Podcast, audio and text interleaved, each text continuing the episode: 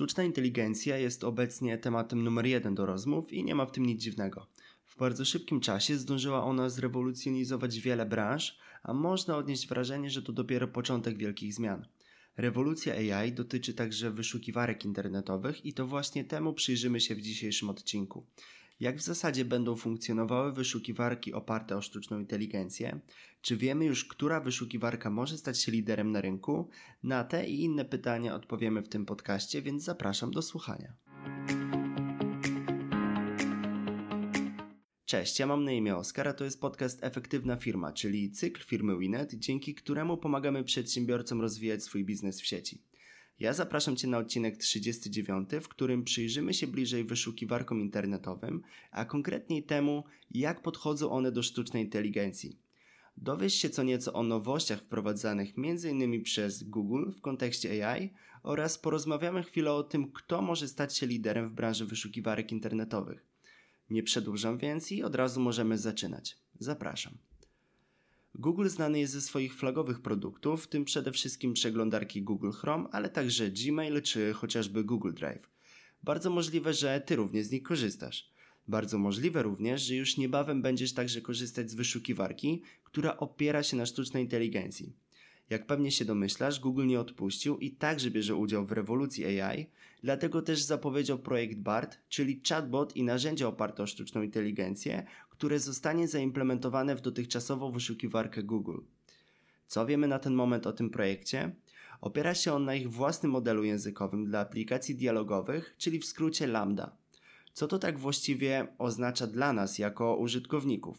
Według zapowiedzi Google'a dzięki temu użytkownicy będą mieli możliwość korzystania z bardziej zaawansowanych i precyzyjnych wyszukiwań, a także uzyskiwania odpowiedzi na pytania w sposób bardziej naturalny i intuicyjny. Google BART będzie też pozwalał na bardziej spersonalizowane wyniki wyszukiwania, dostosowane do preferencji i zainteresowań użytkowników. Jeśli chciałbyś sprawdzić, jak w rzeczywistości sprawdza się Google BART, no to muszę Cię rozczarować. Projekt jest jak na razie w fazie testów, w ramach czego Google zaprosił 10 tysięcy użytkowników ze Stanów Zjednoczonych i Wielkiej Brytanii, która ma możliwość przeprowadzania pierwszych interakcji z Bardem. Prawdopodobnie nasuwa Ci się pytanie, czy projekt jest dostępny w Polsce, ale odpowiedź na ten moment brzmi nie. Patrząc jednak na tempo rozwoju wszystkich projektów związanych z AI, możemy wnioskować, że bardzo szybko się to zmieni.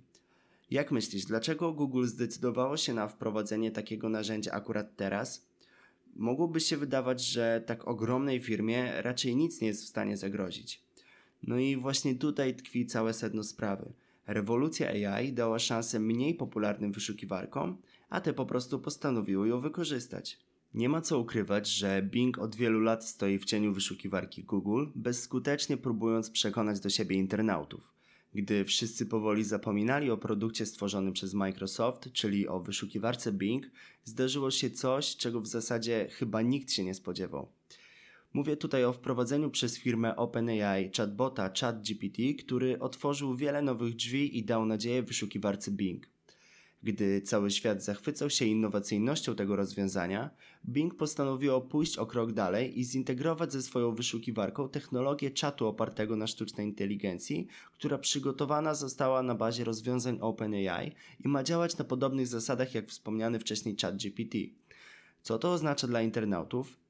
Pierwsze, co przychodzi na myśl, to lepsze wyniki wyszukiwania i szybszy dostęp do informacji. Za działaniami Bing stoi jednak znacznie więcej. Od teraz będziemy mogli na przykład w kilka sekund stworzyć plan treningowy lub chociażby plan zwiedzania danego miasta z konkretnym podsumowaniem. Co więcej, takie informacje mogą potem zostać przesłane na naszego prywatnego maila. Brzmi ciekawie? Taka wyszukiwarka oparta o sztuczną inteligencję pozwoli także na szybkie i dokładne tłumaczenie tekstów, a nawet na tworzenie oryginalnych treści na podstawie naszych wytycznych. A jeśli zastanawiasz się, czy to już wszystko, to mam dla Ciebie jeszcze jedną wiadomość.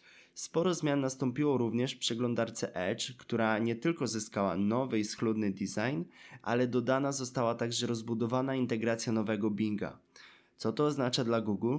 Czy będzie on musiał na nowo walczyć o miejsce w rankingu i rywalizować o pozycję lidera w branży? Jak sam widzisz, wiele się dzieje w ostatnim czasie i wygląda na to, że czeka nas wiele zmian.